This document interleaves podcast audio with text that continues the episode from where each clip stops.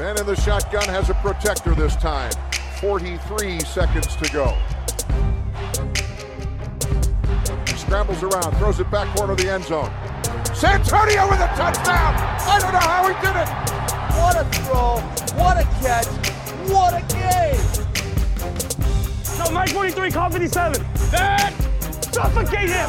Make him miserable! All game long! Get us the ball back! You could love him or hate him, but he was Brad.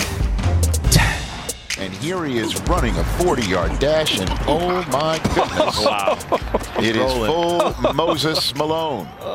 Yes, välkomna till eh, veckans NFL. Eh, Efter ett litet uppehåll är vi nu tillbaka för att nu är det komban bakom oss och det är draft framför oss och det är free agency och tags runt omkring oss. Eh, idag har ni mig, eh, Lasse, och så har vi eh, Rickard och så har vi Magnus. Eh, brukar väl vara eh, den dynamiska trion när det kommer till draft. Eh, är det inte så Magnus? Jo, men vi har väl samma nördiga intresse för det här så att eh, det faller sig ganska naturligt. Ja, och eh, Rickard Mattias smiter undan när det krävs hårdarbete och eh, lä- påläsning av spelare och sånt. Det är vanlig ordning. När man inte bara kan snacka liksom och bara hitta på lite grejer så här på måfå. Ja, precis. Ja, kanske, det gör ju vi också lite Ja, ändå. Vi räknar med att ingen synar oss. Ja, nej, han kommer väl glida in lite in och ut. Det är ju ni två som är egentligen de stora experterna. Jag kommer kanske också glida in och ut ur vissa avsnitt där man har liksom missat att titta en, en, grupp. Men eh, jag ska försöka eh, hinna med allihopa. Det är ju så sjukt många namn. Jag sa ju det här innan vi började spela in att, eh, helt, att ni två, eller kanske framförallt du då, Lasse har fyllt i över 170 spelare i våran lilla draft. Databas är ju helt eh, otroligt och då känner man att man ligger i rejält skuggläge här. Mm. Ja, jag, det är lite fusk så jag börjar ju redan i september egentligen när college-säsongen drar igång. Så jag har gjort mycket jobbet. Det är bara att skriva ren all skit som, som tar tid nu. Och, och liksom sitta och uppdatera efter senior balls och combines och allt vad det heter där. Så att eh, mycket är redan gjort som tur var. Så det är lättare skjuts in för mig. Mm. Eh, ja, eh, hur är läget med dig Magnus? Jo, men det är bra. Det är... eh, ska ju komma, ni har väl snöstorm hos er eller haft kanske? Här ska det Ja. vara under, Jajamän, under natten sägs det. Så det är lite spänning för morgonbitti. Ja, ja men kul. Eller inte. Precis något och fumlat på om man skulle ta ut någon form av dyna så man kan sitta ute och dricka kaffe. Och, och bara springa in och lägga in den igen. Ja, hur hur är det med dig Rickard? Nej, det är bra med mig. Jag är, det- Snön skadar mig inte än så länge. Men eh, jag håller med. Vi var ute och mina döttrar var ute och åkte skateboard i helgen liksom, och då satt jag i solen och, och, och så här njöt av vårvädret. Och nu så ska Ja. vi åka skidor imorgon. Liksom. Så det är, det är absurt. Ja, ja. Ja, Hur är det med dig då, Lasse? Jo, men det är bra tycker jag. Absolut. Eh, nej, men eh, ja, vi har en eh, förrädisk backe till vårt hus. Så att eh, man, när man väl har saltat sönder den så, så eh, kan man i alla fall åka ner till affären och köpa typ bunkra upp på saker om snöstormen skulle hålla i. Eh, så jag lever.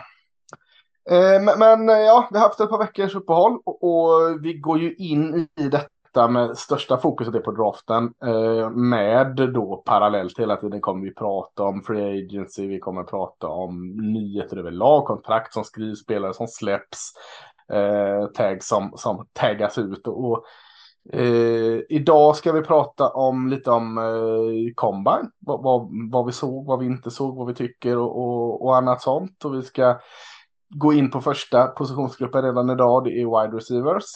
Och så eh, lite allmänt om draften, eh, vad det är för typ av draft och vad vi känner. Eh, är väl den stora planen och så ska vi klara det på en rimlig tid så det inte blir en mastodontavsnitt här. Omöjligt. Ja, det är omöjligt. Känns redan nu omöjligt. Men först så, så nu händer det ju grejer här. Alltså, det, det är ett par veckor efter eh, Super Bowl som det är lite stiltje. Men, men nu, nu händer det grejer. Precis när vi tryckte på spela in-knappen så eh, positiva nyheter för dig Magnus va? Ja, eller ja, jag vet. Ja, det är svårt att veta. Lamar Jackson Ja. fick ju sin eh, tagg. Ja, en halvtimme innan fönster, taggmöjligheten stänger och de tog en sån non-exclusive tagg som Ravens satte på honom för att få ner cap-numret ifall man inte skulle kunna komma överens med ett nytt kontrakt. Men det gör också att andra lag har möjlighet att förhandla med Lamar eller tvärtom. Mm, Eh, ja. och det är ju lite läskigt. Ja, jag vet faktiskt inte. Jag tänker att det är antingen Ravens bästa beslutet de någonsin har gjort eller det dummaste de någonsin har gjort. Att, eh, att bli av med, skulle något lag ge, komma överens med Lamar om ett kontrakt, av min hund, eh, som Ravens inte matchar, då får man ju två första rundsval som kompensation. Eh, och där har det ju spekulerats lite till exempel att ett lag som just en Texan skulle kunna liksom trada ner för att samla på sig draftkapital i framtiden och sen komma överens med Lamar. Eh, och Mm.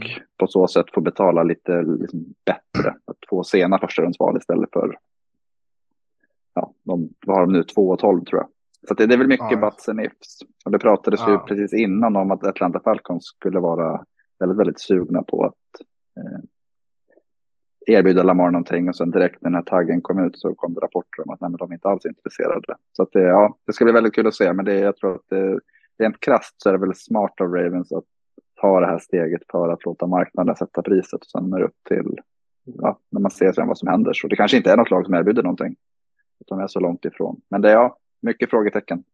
Och då, Ravens ska man ju tillägga har ju möjligheten att matcha vilket eh, kontrakt som erbjuds. Eh, så det, det, det, de står ju inte helt chanslösa bara för att något Nej. in. Men jag, jag tycker Nej. att du gör rätt i att du poängterar det här med att ett första rundeval, det är inte, alltså det, det, det finns ett första rundeval så finns det första rundeval. Liksom. Att få något topp fem är en helt annan sak att få val nummer Mm. 32. Och vet man att man, jag kommer ändå bli av med det här valet, då kan man lika gärna trada ner till val nummer 32 och sen signa Mm. Lamar liksom. Och, Precis. så här, varsågod, det kan ni ta. Liksom. Och så har man bara plockat på sig en massa andra draftval istället. Så det, det finns en viss risk i det, men förhoppningsvis så kommer väl han, för det, vad liksom kontraktdispyten har landat i är väl att han söker väldigt mycket garanterade pengar, kanske eventuellt till och med ett fullt garanterat kontrakt. Och det kan ju vara så att han nu kanske inser att ja, det får jag inte någon annanstans heller. Risken är väl kanske som du säger, om det är det något annat lag kan tänka sig ge honom. Men jag vet inte fan om de vågar det. Det var väl en artikel igår tror jag det var som löfte att Eh, Dan Schneider i Washington att han skulle som så här, avskedspresent erbjuda Lamar 300, 300 miljoner garanterat sexårskontrakt bara för att liksom och sen sälja Washington bara för att liksom, eh, ge fingret till övriga ägare för att de vill ju, det är ju det det egentligen bottnar i att eh, Lamar sägs vilja ha garanterat och NFLPA, alltså spelarfacket, stöttar honom. Och Lamar har ingen agent som... Så att, ja, han är väl lite så här... Han har hamnat i, i en större fråga någonstans. Att ägarna vill ju absolut inte att det ska vara garanterade kontrakt som ska vara standarden. Och det är ju Deshaun Watson-kontraktet från förra våren som... eh, Och det fick ju Browns jävligt mycket skit för bakom ridån Ja, för, att de tillät, för att de signade ett sånt kontrakt. Mm. Så att, eh, Ja. Men det, det, här, det här kontraktet kommer ju verkligen sätta standarden sen för eh, vi har väl Joe Burrow och Justin Herbert som är liksom likvärdiga spelare eller, eller liksom Mm. toppspelare som faktiskt också snart ska ha nya kontrakt. Eh, det händer nog en del efter det här. Ja, för fasken, general manager är usch, stressad över sådana här situationer. Ja, Mm. om, om du som Ravens-fan är lite stressad över, sitter de här i, i, i Chargers-lägret och i Bengals-lägret och mår inte bra av detta. Uh, nej. Men om vi stannar på QB så det är ju det snackisen är och det är ju fullt förståeligt. Uh, Derek Carr då, om vi betar av Magnus QB så går vi vidare till Rickards för detta QB, Mm. Derek Carr som, som eh, i dagarna här eh, kritade på ett ganska trevligt kontrakt för hans del med New Orleans Saints. Vad var spontant är Rickard? Eh, jag tycker att det är ganska, en ganska bra match. Han kommer tillbaka till sin gamla eh, head coach Dennis Allen, visserligen som han bara hade i fyra matcher sitt rookieår. Sen fick Allen kicken för att han förlorade hundratals matcher. Men eh, de känner ändå varandra och det finns en relation där. Och det var ganska tydligt från första början att det var liksom dit han helst ville och de som helst ville ha honom. Eh, sen har det kanske ifrågasatts att Saints hela tiden skjuter fram sina cap issues och Mm. inte liksom laddar om någon gång. Men Alltså de hade topp 10 försvar förra året. De har fortfarande ett ganska bra offensiv. Alltså linjen är bättre än vad den spelade förra året.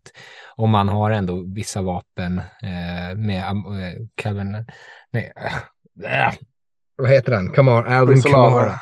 Alvin ja. Amara, Alvin ja. Kamara eh, och Chris Olave på utsidan. Så jag, jag, tror inte att det är helt dumt. Jag tror att de absolut kan bli ett slagkraftigt lag, men diskussionen är väl snarare är det som signar man kvar för att ta sig till slutspel eller signar man kvar för att man ska kunna vinna Super Bowl? Och det är väl där den här diskussionen om medelmåttiga QBs eh, som typ Carr och Cousins och den här typen av Ryan Tannehill, den typen av spelare. Eh, om det är värt att slänga pengar på dem överhuvudtaget. Men eh, det finns, det finns liksom inte så många alternativ. Så jag, jag, tror ändå att det är bra för båda parter. Och han får spela inomhus. Det är bra med hans eh, eh, arm i dåligt väder.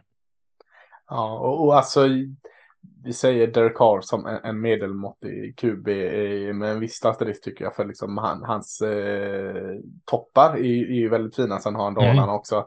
Så att vi har ju faktiskt inte sett honom i, i någon annan miljö än, än den han har spelat i, i Raiders. Så att Eh, det kan ju också ge ett lyft för honom och hamna i en helt annan miljö som du säger. Har han en väldigt fin linje framför sig. Han har eh, ett par intressanta skillspelare att hjälpa honom och han har ett försvar som kan bära laget betydligt mer än vad ett försvar någonsin har gjort i, i Raiders ja. under hans tid. Så, så eh, ja, eh, bara för att han har varit medelmåttig de senaste åren behöver inte det betyda att han liksom tar vid det. Han kan ju lyftas av detta också. Absolut. Han, jag, jag, tror absolut att man kan vinna ett, eh, liksom en ring med honom som QB. Men man behöver kanske ha mer delar runt omkring honom än vad han har haft, åtminstone i Raiders. Så är det. Eh, stanna på QB, Gino Smith, eh, succémannen för Seattle Seahawks förra året. Eh, Fick också ett nytt kontrakt här. Eh, ganska bra betalt. Det var väl lite snack så här om att han skulle han få chansen här nu ändå. Skulle han franchise-taggas eller skulle de gå vidare? De har ju ett väldigt högt draftval i också. Så, eh, men men eh, de satsar på honom. Vad var det? Var det treårskontrakt eller vad var det? Ja, tre år 105 Tre år 105. Mm. Stämmer. Eh, spontant där, Magnus, har du något, eh, någon, någon åsikt? Eh, är det rätt av Siox att lägga de pengarna på tre år på Gino? Ja, de tycker väl, alltså jag tycker det var lite överraskande, men samtidigt han var ju helt okej okay förra året och det, jag tror att det, det är väl en, här, en bridge QB, kostar inte, det är inte de här hiskliga summorna ändå. Eh, och hur mycket var det som är garanterat? Var det 60? Ja, jag vet inte, det är nog två år i praktiken och jag ja, tror jag att de kan komma ut ur det sen. Mm. Och låt säga att, vi, att de tar en rookie-QB med sitt första val så är det ändå ganska skönt att ha en, en veteran som ändå kan hålla liksom, till att ta, vet, Anthony Richardson till exempel kanske inte är redo att starta vare sig år ett eller två. Nej. Så, så det är en, en bro-QB, gissar jag ändå. Ja. De gillar ju ändå honom. Jag tycker han spelar bra förra året. Så jag tycker att det är bra. Och det hade sett dåligt ut att inte belöna ja, honom med ett kontrakt. Han har stått där i bakgrunden och sen liksom förtjänat den här startrollen. Gör det jättebra och sen så bara, men fuck you, nu, dra, nu ska vi plocka in någon annan. Att det hade, man hade tappat omklädningsrummet. Så det känns som att de nästan var tvungna. Men jag tror ändå att det är någonting positivt att ha kvar honom där. De spelade bra med honom som QB. Mm. En QB-grej till innan vi går vidare. Eh, Aaron Rodgers har kommit ut från sitt, eh, vad det nu var i hans eh, ljudisolerade och, och eh, ljusisolerade grotta eller vad det var han satt och, och reflekterat över. Så jävla konstigt. Ja, eh, och nu är det väl så att, eh, hur är det, man har gett tillåtelse till New York Jets att diskutera kontraktsdetaljer med Aaron Rodgers? Eller hur, hur var det här? Jag, jag mm. läste det lite i all hast. Ryktet säger väl det i alla fall att ja. Eh, Jets har möjlighet att förhandla eller man har fått lov att prata med Rodgers. Så det är eh, känslan, är, det som har varit tidigare är väl att Packers eh, känner sig färdiga med honom. Det är väl det som har kommit fram och mm. eh, Jets är intresserade men Rodgers har ju även att kanske lägga av liksom som, ett, som ett val så att det ska bli intressant. Mm. Vi lär ju få se någonting kommande dagar om det blir, om det blir Jets eller så. Sen han har väl en lönetagsträff på 60 miljoner nästa år om jag inte minns helt fel. Eh, mm. Så det är väl någonting som också kommer behöva förhandlas om. Jets vill nog inte ta hela den smällen. nej. Beklämmande att han steg efter steg efter Brett Favre här i, i karriären. Eh, kul att se. Eh, två till snabba nyheter. Derrick Henry, eh, suveräna Derrick Henry som har varit så bra för Tennessee Titans de senaste åren. Running backen har eh, går snacket eller eh, jag vet inte ens om det är bekräftat eller inte att han, han de är ute och kollar eventuell möjligheter att trada bort honom. Så att det är någon kanske någon form av rebuild eller någon, någon annan planering i offensiven utan eh, springtungt anfall. Eh, han har ganska tung lön som, som bär en hel del för, för Titans. Eh, han ligger ute på marknaden eventuellt och så är eh, wide receiver Kevin Ridley äntligen liksom tillbaka efter eh, missade hela förra året. Jacksonville signade honom. Eh, han fick ett väldigt tungt straff för att han hade spelat på någon match va? Mm. Eh, spel och dobbel eh, och blev avstängd ett helt år. Nu är han tillbaka här och, och eh, eh, blir ett, ett långdraget och dyrt nyförvärv för Jacksonville. Men, men nu är han äntligen tillbaka i varje fall i, i, i, eh, eh, spel, eller vad säger det är ett spel, men i, i, i truppen. Det var ju någon, de tradade ju till honom från Falcon så det är någon sorts konstig grej att beroende på hur mycket han spelar så blir han värd olika mycket i Mm. draftkompensation. Eh, Men vi satt bara och tittade att han kommer kosta dem 11 miljoner mot lönetaket och liksom man har ingen, det man har absolut ingen aning om vad man kommer få för typ av spelare. Så det, eller vi vet, de vet säkert som har sett honom på träning, men vi har ju ingen aning. Nej, Jackson är en ganska bra receiverrum nu. De, de Mm. eh, skrattar ju lite åt dem när de signade receivers ganska högt och så hade de en, två, tre receivers som eh, producerar och så kommer Calvin Ridley in här så eh, spännande att se det i rummet ser det ut med, med Trevor Lawrence som fortfarande kliv. Ja, det, det, det var nyhetssvepet. Nu, nu eh, nog om det. Vi kommer ju fortsätta prata free, eh, free agency och, och allt sådant och eventuella trades under tiden som går. Nu, nu kör vi eh, här fram till draften så, så eh, ni behöver inte känna att ni blev eh, rånade på mer free agency-snack. Ni kommer, ni kommer få er beskärda del av det med. Men, men draften eh, som är huvudsyftet här går av stapeln nu har jag inte kollat upp datum. 27-29 april tror jag det är. Det stämmer. Det stämmer bra, tack. Eh, och den hålls i i Kansas City i år. Eh, innan hölls den ju alltid i New York. Eh, de senaste 5, 6, 7, 8, tiden går så snabbt, har den rullat runt lite. I år är det Kansas City tur. De har Super Bowl, vinst, de har draft och snart flyttar de väl combine dit också antar jag. Eh, mer allmänt så här, snabb fakta om draften. Det är fyra lag som inte har val i första rundan. Det är Cleveland Browns, Denver Broncos, eh, Los Angeles Rams. Fem är det till och med. Det, nej, vad var det? Jo, Browns, fem är det. Broncos, Rams, Mm. tack, Miami Dolphins och San Francisco 49ers. Eh, de, de har inga val i första. Dolphins blev ju av med sitt där efter lite fulspel med, med, tränare där. Eh, det är, nu ska jag räkna innan jag säger, det är fyra lag med mer än ett val i första. Det är Detroit Lions, det är Houston Texans, det är Philadelphia Eagles och det är Seattle Seahawks. Och alla de fyra lagen har ett val topp 10 där så att de kan, de kan eh, bli bättre snabbt.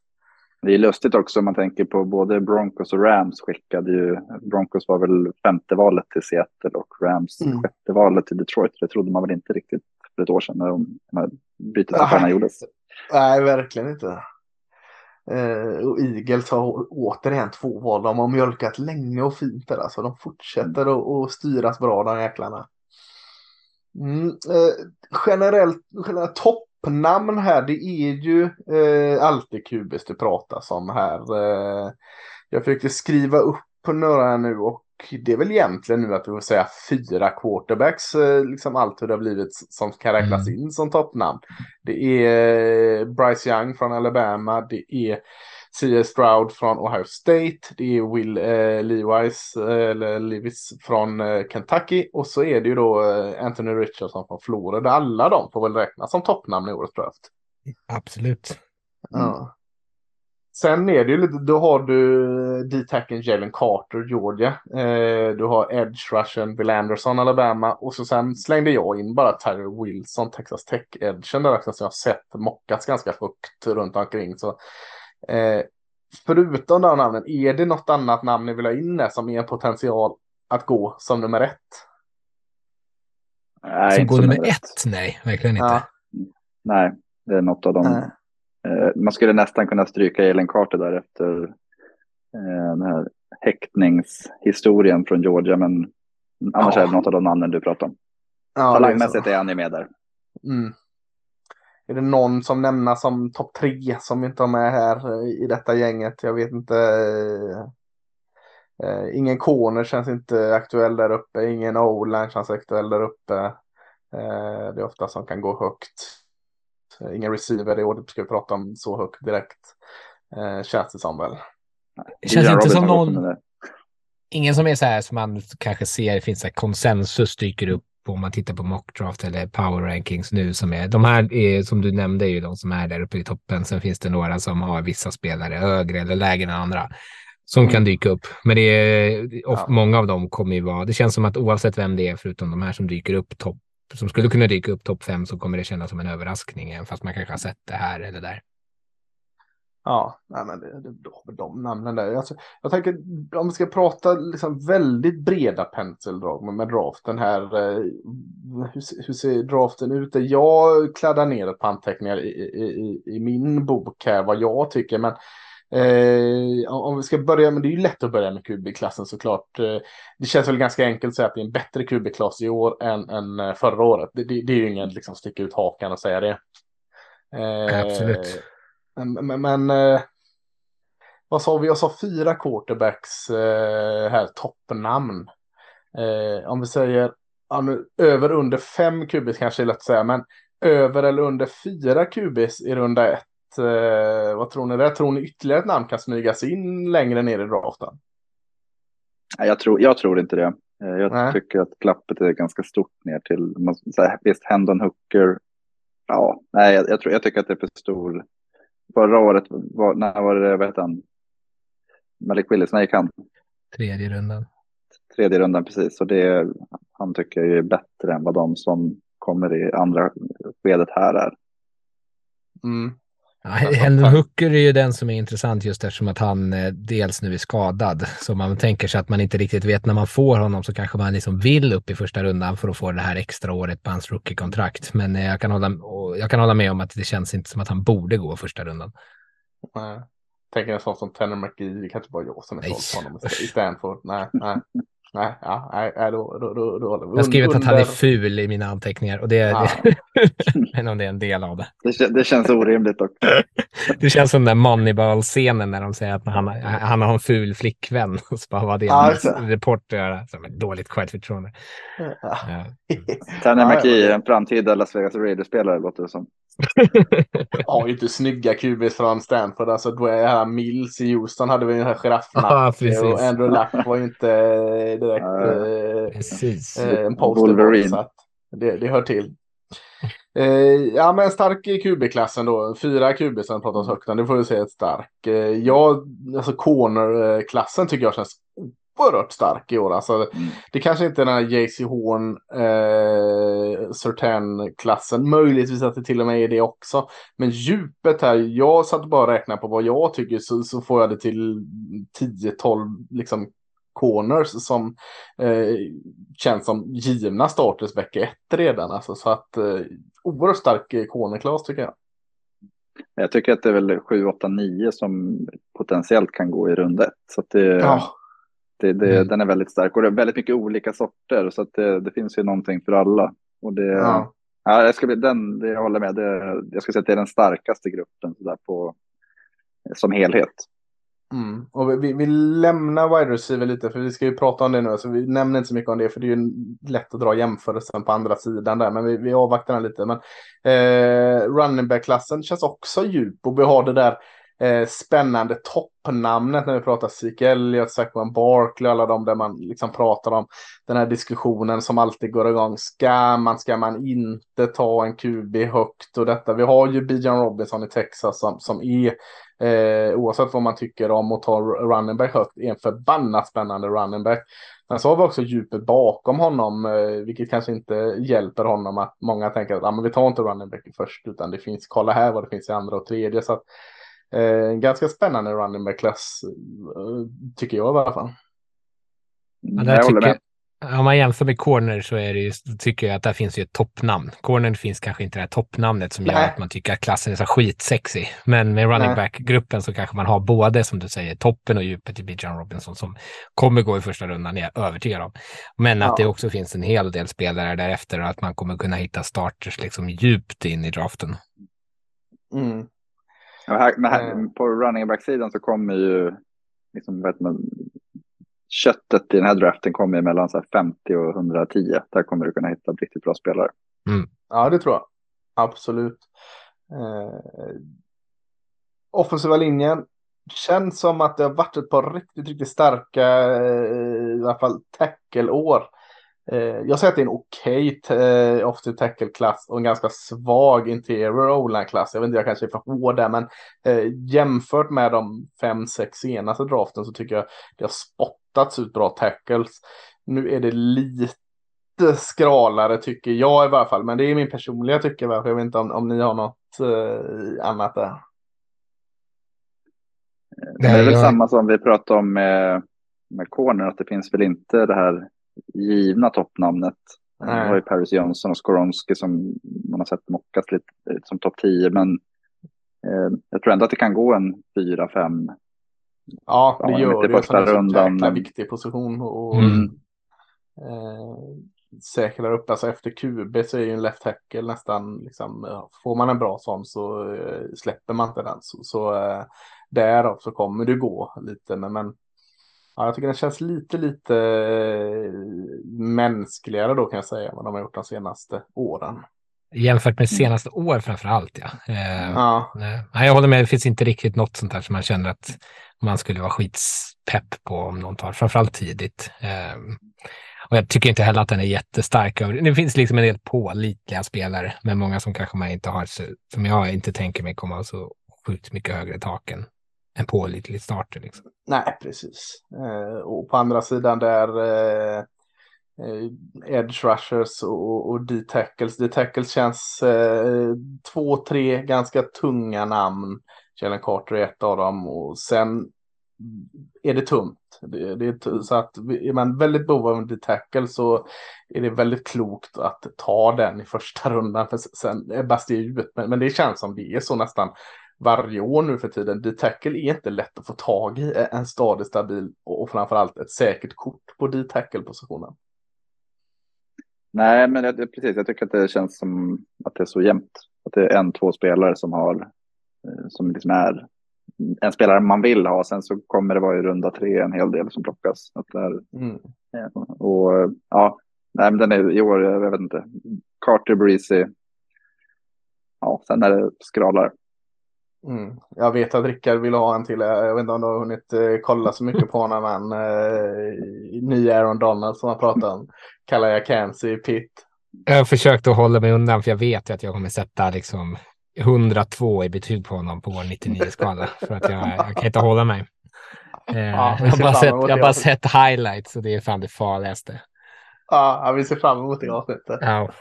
Uh, Edge-klassen har hållit på toppnamn som vi nämnde. Där Will Anderson och Terry Wilson. Det finns ett gäng till där. Jag vet inte.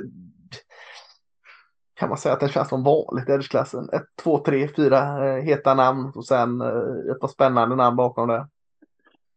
Jag tycker att den är påminner lite om Corner-gruppen. Förutom att du har Will Anderson och Wilson som ligger högt. Jag tycker att den, jag tycker att det är en ganska bred grupp det mm. finns ju säkert en 14-15 spelare som jag kan se går första två rundorna. Ja, det är så. Jag är lite mer skeptisk till den faktiskt. Eh, kan inte riktigt motivera det, men eh, ja, jag har inte fått den där wow-känslan som det är så lätt att få av Edge annars på så många som brukar få. Eh, sen har vi ganska stark Tyrant-klass i år. Det pratas om eh, tre Tyrants i första rundan. Eh, vissa pratar, alltså Mayer, eh, Kincaid och, och, Washington är tre väldigt olika Tyrants. Eh, finns också djup i den, så det sägs vara en ganska stark Tyrant-klass. Eh, hur mycket vikt man nu vill lägga. Vi har en stark Tyrant-klass i en annan fråga och eh, jag tycker alltid det är ganska osäkert liksom hur en terrän tar sig från college till NFL. Det kan vara ett väldigt stort hopp för många av de här som har sett så väldigt bra ut till att sen gå in och, och krävs så mycket av en terrän numera. Det är en svår position. Eh, så jag, jag sätter lite wait and see på terränklassen faktiskt. Jag tror inte att det går tre i första rundan i alla fall. Nej, men man har ju sett tre namn liksom Mm, ja, ja. florera i första rundan. Och även vet han, Washington har ju också varit Ja. efter sin fina combine. Så att det, och Laporta är väl också en sån som vi vissa har Mm. haft. Så att det eh, men som sagt, positionsvärdet gör ju att det inte, ja, går det tre så blir jag ju väldigt, väldigt förvånad. Ja. Om man skulle dra sig ett superbrett penseldrag över den här draftklassen så känns det ju som Ja. att när man pratar om tight ends och running backs att det kanske inte är eh, den sexigaste draftklassen eh, på ett par år. Och, och så känns det lite. Och lite som när Magnus säger då att liksom det, det, eh, köttet i den här draften kommer att vara liksom val 50 och därefter. Eh, att det kanske finns den här typen av draft där man pratar om att alla lag vill trada ner för att samla på sig Ja. liksom, eh, lotter eh, och hoppas att de träffar någonting i runda, två, liksom runda tre, runda fyra eftersom att det är så många frågetecken kring många av de här spelarna i runda ett. Alltså även om vi pratar om massa QBs i toppen eller Jaden Carter nu också med hans eh, arrest. Att det är ganska mycket frågetecken även kring liksom, toppnamnen. Mm. Nej, men jag håller med. Ja, men då, sen blir det ju så att när du har eh, som cornergruppen till exempel, att det är, det är den, den typen av spelare som kanske går åttonde, nionde, tionde, men du kan lika gärna trada ner och pl- plocka en nästan lika bra eh, Ja. tio val senare. Så att det är Mm. som sagt, jag tror att det kommer vara huggsexa om de första fem, sex spelarna och sen så kommer man att se lite mer passivitet. Ja. Eh, vi har alla ett lag med varsitt val i runda ett. Eh, Rickard har ju roligare val än oss, Magnus. Men, men om ni får välja en, en position och till och med kanske en specifik spelare till ert lag är det i runda ett. Det är såklart att du, Magnus, inte kan säga att du vill ha Jalen Carter där eller att du vill ha Bryce Young om det skulle gå åt helvete med Lamar Jackson. Utan en rimlig spelare på er position. Man kan få vara lite drömsk och gå upp lite. Men, men eh, Magnus, vad, vad, vilket, vilket val har ni i Ravens? 22.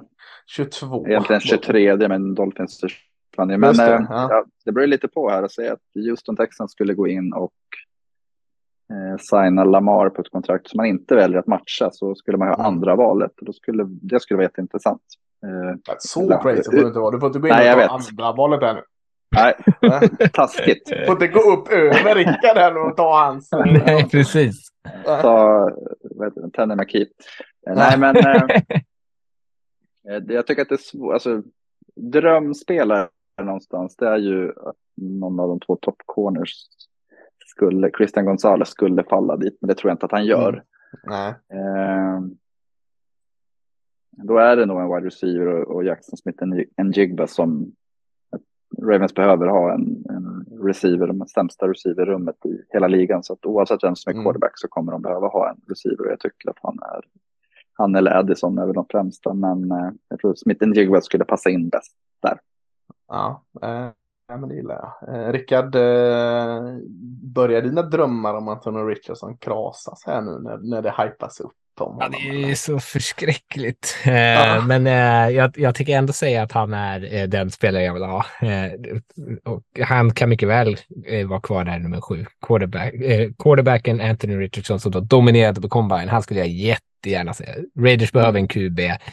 Mm, eh, Väljer man liksom, vi väljer nummer sju, väljer man så tidigt eh, och har möjlighet att ta en QB så ska man göra det. Eh, och Richardson är min QB2 efter Bryce Young.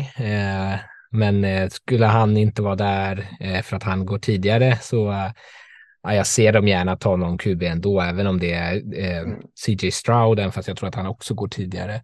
Eller om det är Will Levis. Men jag, jag, skulle gärna vilja se bara. Det skulle kännas så mycket mer hoppfullt inför framtiden om man går vidare från Carr, att kunna få liksom hoppas på en ung QB istället för att liksom betala Jimmy Garoppolo eller titta på Jarrett Stidham eller något annat skräp. Ja, nej, men det, det förstår jag. Eh, ja, jag, jag är också längst bak i draften här med Cowboys. Jag var ju också inne på att Jackson Smith Jigba hade jag ju gärna sett där, men det kan jag inte ta nu. Nu har, nu har ju Magnus plockat honom här så att jag får tänka om. Då, då är en corner eh, i den här eh, klassen. Jag tänker att toppnamnen har gått, men det kan vara så att en sån som Joey Porter från Penn State har fallit lite. Annars så gillar jag Deontay Banks i Maryland ganska mycket. Så att någon, någon, av dem hade jag gärna sett. Jag har sett att eh, Cowboys är intresserade och verkar vara lite så på Keely Ringo i Georgia. Vilket jag inte är så glad i. Så att det kommer säkert bli honom. Eh, men eh, ja, om inte en Jigba finns kvar så eh, Deontay Banks eller Joey Porter hade jag gärna sett. Och så har vi Diggs och en ny fräsch kub Eller ikonen på andra sidan. Det har varit gott. Eh, tycker jag. Eh, mer. Eh, om vi hade varit general manager för Chicago Bears då? Vad, vad, vad hade vi gjort då? Vi, eh, hade vi stannat kvar? Det gör vi kanske inte längre då med Jalen Carters eh, små problem vid sidan. Är det trada ner, trada ner, trada ner som är grejen här med Bears? Eller? Ja, eh, det är ju ett sätt att verkligen säkerställa att man har draftkapital för kommande år. Om man tänker att de, valet är väl någonstans, tror de att Justin Fields är it, då hade jag tradat ner. Mm. Faktiskt, för att eh, säkerställa att man har val framöver. Men, men ja, jag tycker, att det, jag tycker ändå att det är svårt, för när det finns så pass många quarterbacks så är det inte, nu har de ju sagt, gått ut sagt att de har fått eller erbjudanden redan, Ryan Poles, så att eh, jag tror att det blir en trade ner Mm. Eh, och rent tekniskt så kan de ju gå ner till 3-4 och ändå få bästa defensiva spelaren. Så ja, det hade jag gjort.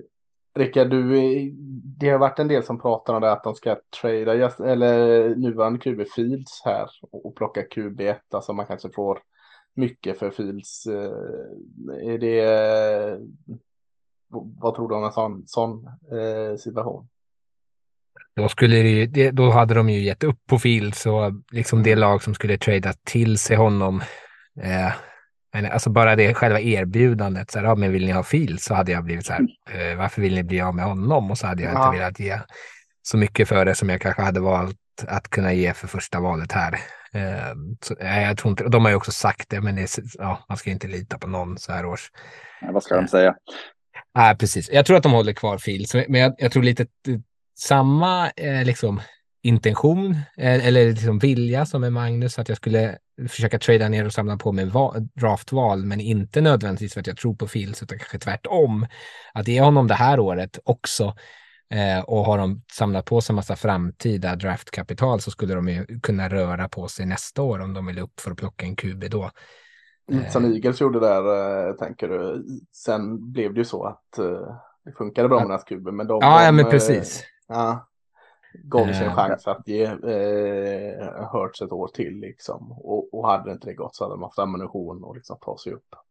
Men jag, jag, jag hade inte heller velat komma för långt ner, för jag skulle vilja plocka någon av de här topp defensiva spelarna. Eh, mm. så att de, alltså jag ju, älskar ju Jalen Carter. Nu får man, det är en fråga av vad man, liksom hur man bedömer det här som händer mm. utanför planen. Men den typen av impact som man skulle kunna få av honom är ju uni ett unikt tillfälle. Så det är ju så här. Känns ju som en Bear-spelare också. Alltså. Ja, dessutom. Så ah. det, det, är dumt ibland att försöka spela liksom pengaspelet och plocka på sig draftkapital som sen inte, alltså alla val måste bli en spelare eh, och det är ah. ibland fel att gå bort från bra spelare för liksom vad som döljer sig bakom dörr nummer tre. Ja, det har du fått lära dig den hårda vägen. Då. ja, men det verkar inte funka. Det funkar inte ens om vi väljer val tidigt heller. det spelar ingen roll vad vi gör, men inte Nej. drafta i alla fall. Men där kan vi säga att med Jalen Carter så handlar det inte om att de vill få draftval och hoppas att han kommer sen, utan det är ju att, att han inte kanske är valet som nummer ett. Det är ju att han var med i den här eh, Need for Speed-grejen i Georgia.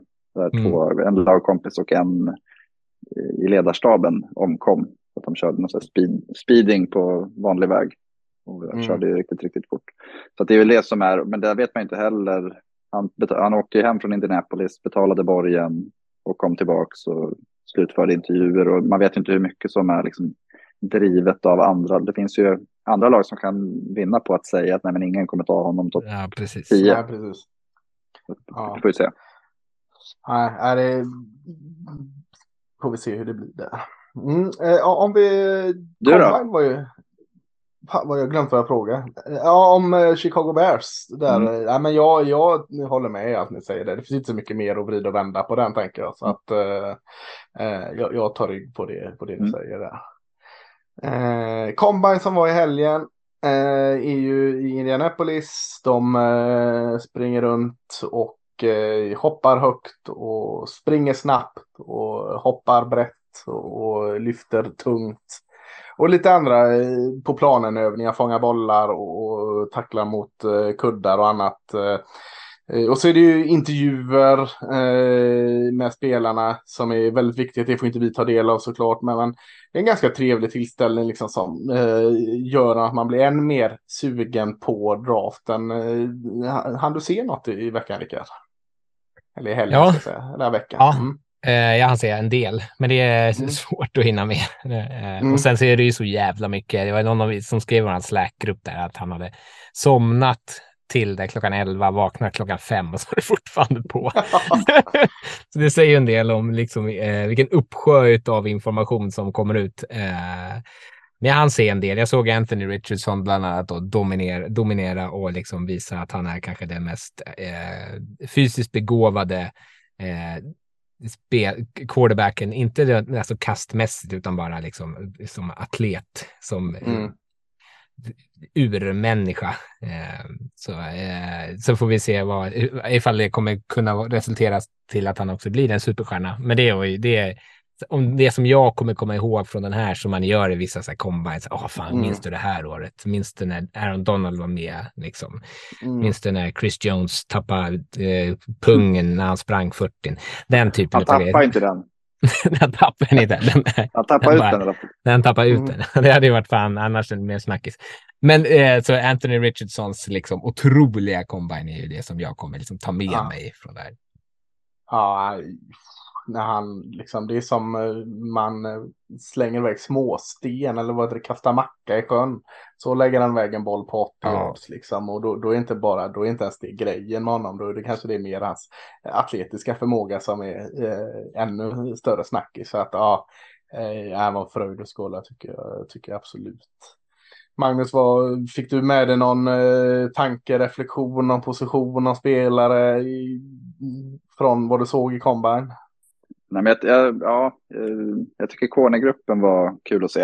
Eh, mm. Kändes väldigt atletisk. Jag eh, skrev om Julius Brent.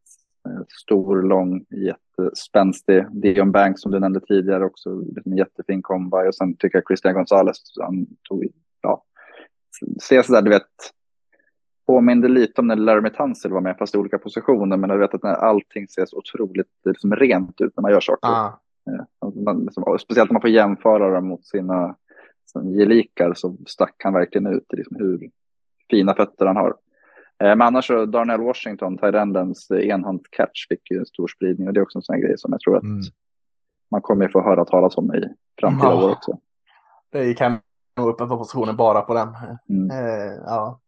Ja, jag, jag tar det. Man blir ju alltid lite sån här eh, sjöblind eller vad man ska säga av eh, wide receivers på combinen. För att många av de här övningarna de ska liksom springa i fart och fånga boll eh, och så är nog ganska liksom standard och enkelt för dem. De behöver inte eh, förta sig för att göra det bra.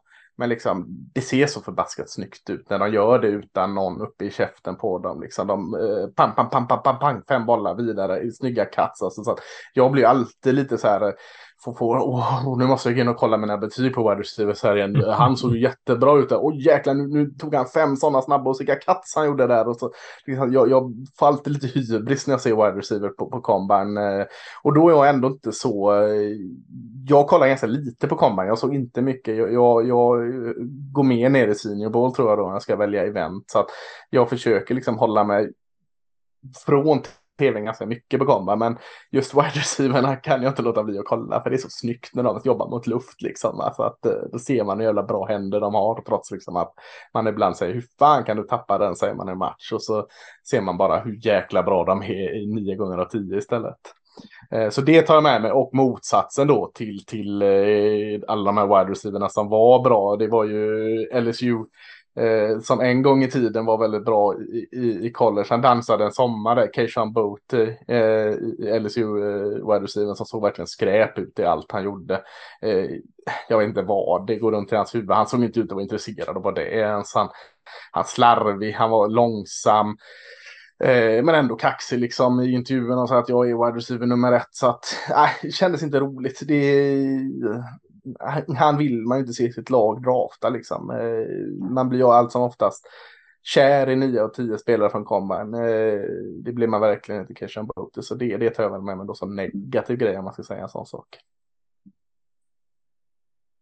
Ja, mm. wide receivers tycker jag bara generellt all, också sprang ju så jävla fort. Alltså ja. det är ju många otroliga 40-tider och en del bara eh, hopp dessutom. Så, eh, jag, jag, som är, nu kommer vi snart komma in på den, kanske ganska låg på den här klassen, eh, mm. blev väldigt imponerad för att det var många som testade långt över vad jag kanske hade förväntat mig att de skulle göra. Mm vi, vi ska snart gå in och prata wide receivers. Det blir ju ett långt avsnitt här. Det kunde vi göra fansiken till när man tidigare bromsade oss. Eh, men, men, eh, en sak till från Combine här som, som blir en snackis. Eh, som alltid blir varje år. Man tar en spelare eller två och så pratar man om den här Eh, han är ju så bra. Han var ju så bra i college. Men han är bara en college-spelare för han är inte stor nog. Han är inte snabb nog. Han är inte atletisk nog. Det finns alltid en story. I år har det blivit ganska mycket om, om eh, eh en spelare som många har som nummer ett, quarterbacken Bryce Young i Alabama. Mindre kortare quarterback eh, som eh, inte har den där monstruösa armen men, men som gör så oerhört mycket annat bra och var väldigt, väldigt produktiv, väldigt duktig. Säkerheten själv oftast under sina år som starter i Alabama. Men så kommer ju det, hur ska han få sitt spel att funka i NFL? Eh, jag tänkte här liksom om, om eh, hur ska vi stå? Jag, jag eh, satte ju dig och mig emot varandra här Rickard lite att du är eh, för det här att, eh, ja, är man eh, har man inte de eh, testegenskaperna och fysiska egenskaperna så är det lika bra att ge upp. Det är din ståndpunkt där Rickard. Ingen alls överdrift från utan så är det.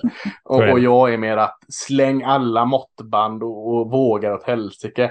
Producerar du på college så kommer du producera i NFL. Sanningen är väl oftast någonstans mitt emellan där, men, men det är en ganska intressant diskussion. Vi ska inte gå in i den tio minuter där, men men, men vad, vad, säger du Rickard? Alltså, är det, ska man vara orolig för att Bryce Young, Bryce Young är eh, kortare liksom? Han har ju mött stora jävla åbäken i SEC tänker jag liksom på defensiva linjen och han har ju lyckats kasta över dem och se planen även över dem. Hur mycket större är de i NFL? Hur mycket hur orolig ska man vara? Man ska vara jätteorolig. Om jag ska ta ja. den extrema liksom, Ja, du ska ta den extrema, annars ja. är det inte roligt. Ja. Nej, då, då, tycker jag att man ska vara väldigt orolig. Eh, och det är inte nödvändigtvis längden, för det ty Nej. tycker inte jag är det största problemet. Ibland tycker jag att han missar en del kast för att han kanske, och, och, och det kanske är för att han inte riktigt ser det ordentligt. Eh, mm. Men eh, jag tycker framför allt kanske liksom storleken. Nu hade han lyckats mm. dricka mjölk tills han vägde liksom 204 pounds. Uh, men han kommer ju inte spela på den vikten. Han kommer ju spela kanske på 100. Han får dricka mjölk innan varje match. Det är Ja, det kan han väl göra. Men uh, han, jag tror inte han kommer spela. Tror, då kommer han inte vara samma spelare på plan. uh, och, och ska, ska man välja en spelare nummer ett, ja, då tycker jag då ska man känna så här. Att vi kommer kunna lösa hans, det, det är liksom frågetecknet kring honom. Med Anthony Richardson, vi kan lösa att han är en oslipad diamant. Vi, vi vet att vi kan få ut Hur löste man det? Ja, men vi har en tränarstab som vi litar på. Men, ja. med, men med Bryce Young så är det så här, ja men han, är, han kommer säkert skada sig. Vad gör vi åt det? Fan ingenting. Vi kan inte göra någonting åt det. Eh, och han är så pass tunn att jag tycker att, det, att man ska vara orolig för det. Liksom, vi ser spelare som, eh, ja, alltså han är, när vi, man pratade om eh, Fan, nu tappade jag namnet på honom. Bara. Teddy Bridgewater, när man pratar om hans mm. jättetunna vader. Det är liksom samma diskussion egentligen. Ja, vad hände med Teddy Bridgewater? Ja, men också, han har ju varit, haft skadebekymmer. Liksom. De här tunna quarterbacksen har haft skadebekymmer. Vi såg i år hur många QB som helst som gick ner skadade. Trots att man sätter regler efter regler för att skydda dem så skadar de sig. Och ska man då mm. ha en tunn spelare där kan man inte räkna att ens QB är tillgänglig 17 matcher och slutspel om året så ska man, det ska man nog vara väldigt rädd för att ta nummer ett tycker jag. Ja. Men det är ju inte bara tunna spelare som skadar sig. Alltså, hur många gånger har vi inte sett Ben Roethlisberger halta runt och se ut som en levande zombie? Han har ändå lyckats spela fastän han är halt. Ja, ja, men det är väl ingen varit glad för att han har spelat halvskadad. Liksom. Då skulle de ju dragit in en annan. Så att, alltså, skaderisken finns ju alltid oavsett hur du bygger. Och jag menar, Bryce Young kommer ju inte vara en, en QB som man kanske eh, jobbar med run pass option, dual threats. Eh, liksom. Kolla på Deck Prescott, är ju typexempel. Han är ju bra byggd liksom. Han är ju fan han har inte varit en hel, en hel säsong. Han är ju skadad jämt. Så att, eh, skaderisken är också, eh, tycker jag då, liksom grunden på hur man spelar sin QB. Om vi tar Anthony Richardson, nu är han eh, fysiskt freak här, men, men han kommer de ju släppa lös förhoppningsvis. Liksom, eh, eller eh, vem det nu må vara. Bryce Young är inte den typen. Han kan rulla ut ur fickan och mobil på det sättet, men han ska ju inte vara en run pass option QB. Eh, så jag tycker liksom visst, smäller, det kommer smälla på alla QB. Spelar ingen roll hur bra eller dålig offensiv linje, de, de kommer få kontakt. Eh, där förstår jag chansen liksom. Är du eh, klientbyggd så är risken större såklart att, att gå ner. Men eh, det finns ju också en risk om man väljer att spela om tänker tänker. Och, eh, han har ju spelat i den konferensen i college där det är mest NFL-spelare som kommer ut, SEC. De stora jäkla defensiva linjerna, eh, alltså vi pratar Jalen Carter här som han möter, eh, vi pratar Will Anderson och ja, nu möter jag inte Will Anderson så i samma lag, men, men alltså de, de tunga, de liksom som man kan enklast översätta till att ja, du har mött samma spelare i college. Eh, för jag menar alla NFL-spelare här, de kommer ju inte från någon sån här eh, Ivan Drago-kamp i Ryssland. De kommer ju också från college liksom, så det är ju från samma skrot och korn de kommer också. Och han har ju mött de bästa av de bästa där, så jag tänker att visst, man, man ska lägga in en viss vikt i att han är lite klenare. Det, det kan vara oroligt, men jag tycker att kom, har han presterat så bra på college mot de bästa försvararna då lägger jag inte alls lika stor oro kring detta. Jag lägger in det absolut, men ser man filmen och gillar filmen, gillar man intervjuerna med honom, då tycker jag inte att man ska oroa sig allt för mycket på hans eh, storlek eller brist på storlek för att ta nummer ett om man ser honom som nummer ett QB. Jag tänker att Tua Tagovailoa, det är väl den som är kanske närmast tycker jag att jämföra med som kommer från samma system, Mm. Eh, inför den draften pratade man om att han var liksom, framförallt att han var lite kortare då. Eh, och han hade ju skadeproblem, visst var det höften som hoppade led? Mm. Eh, och nu ja. var det tredje året som han har börjat, då har han ett par hjärnskakningar och det är väl det som kanske är mm. risken med kortare spelare. Ja. Men som sagt, han är ju lite mer mobil. Det, känslan är att Bryce Young har Ja, han sa ju det själv, jag har fått behålla mig. Jag har alltid varit den här storleken. Det är så jag har lärt mig att spela. Så han har ju, mm. Jag tycker att han är ganska duktig på att skydda sig själv. Sen är det skillnad att spela, även om det är SEC så har han ju spelat i det bästa laget där. Ja, förutom mm. Georgia. Eh, så han har haft en väldigt, väldigt bra omgivning. Det blir lite annorlunda när man kommer till just de Texans kanske som har eh, NFLs 29 bästa trupp. Ja. Det blir lite mer utmaningar helt enkelt. Ja, men det är sant. Och, och sanningen ligger väl någonstans mitt emellan här i det. Men, men eh, det är en intressant eh, liksom, eh, tanke att gå igenom här. Storlek kontra produktion i college, vice versa. Hur mycket vikt ska man lägga och inte mycket vikt ska man lägga där. Så att, ja, eh, spännande att se oavsett. Vi, vi, hoppas ju, det gör ju även Rickard, att Bryce Young ska ha en hel och lång karriär ja, trots att han eh, är orolig. Eh, men nu, nu, nu är det dags för wide receivers här, annars så, så kommer vi aldrig få göra det. Eh, Rickard har redan avslöjat lite att han inte är riktigt fullt såld på den här eh, klassen. Eh, är det varken topp eller djup eller vad, vad, vad, är det som gör att du inte riktigt eh, ger tummen upp? Det är framförallt toppen tycker jag. Saknar de här mm. superstjärnorna. Mm. Uh, ja, precis. Uh, kan ta det där. Alltså förra året valdes sex wide receivers i runda ett. Eh, en topp 10, det var Drake London typ till Falcons. Eller gick det någon mer topp 10? Han gick i alla fall nummer åtta, första av brädan. Och det känns väl Magnus som att vi får inte sex wide receivers i runda ett i år va? Nej, det... Jag skulle nästan kunna säga att jag blir... Ja, kanske att någon går topp 15, men jag skulle inte bli förvånad om vi inte har första förrän därefter.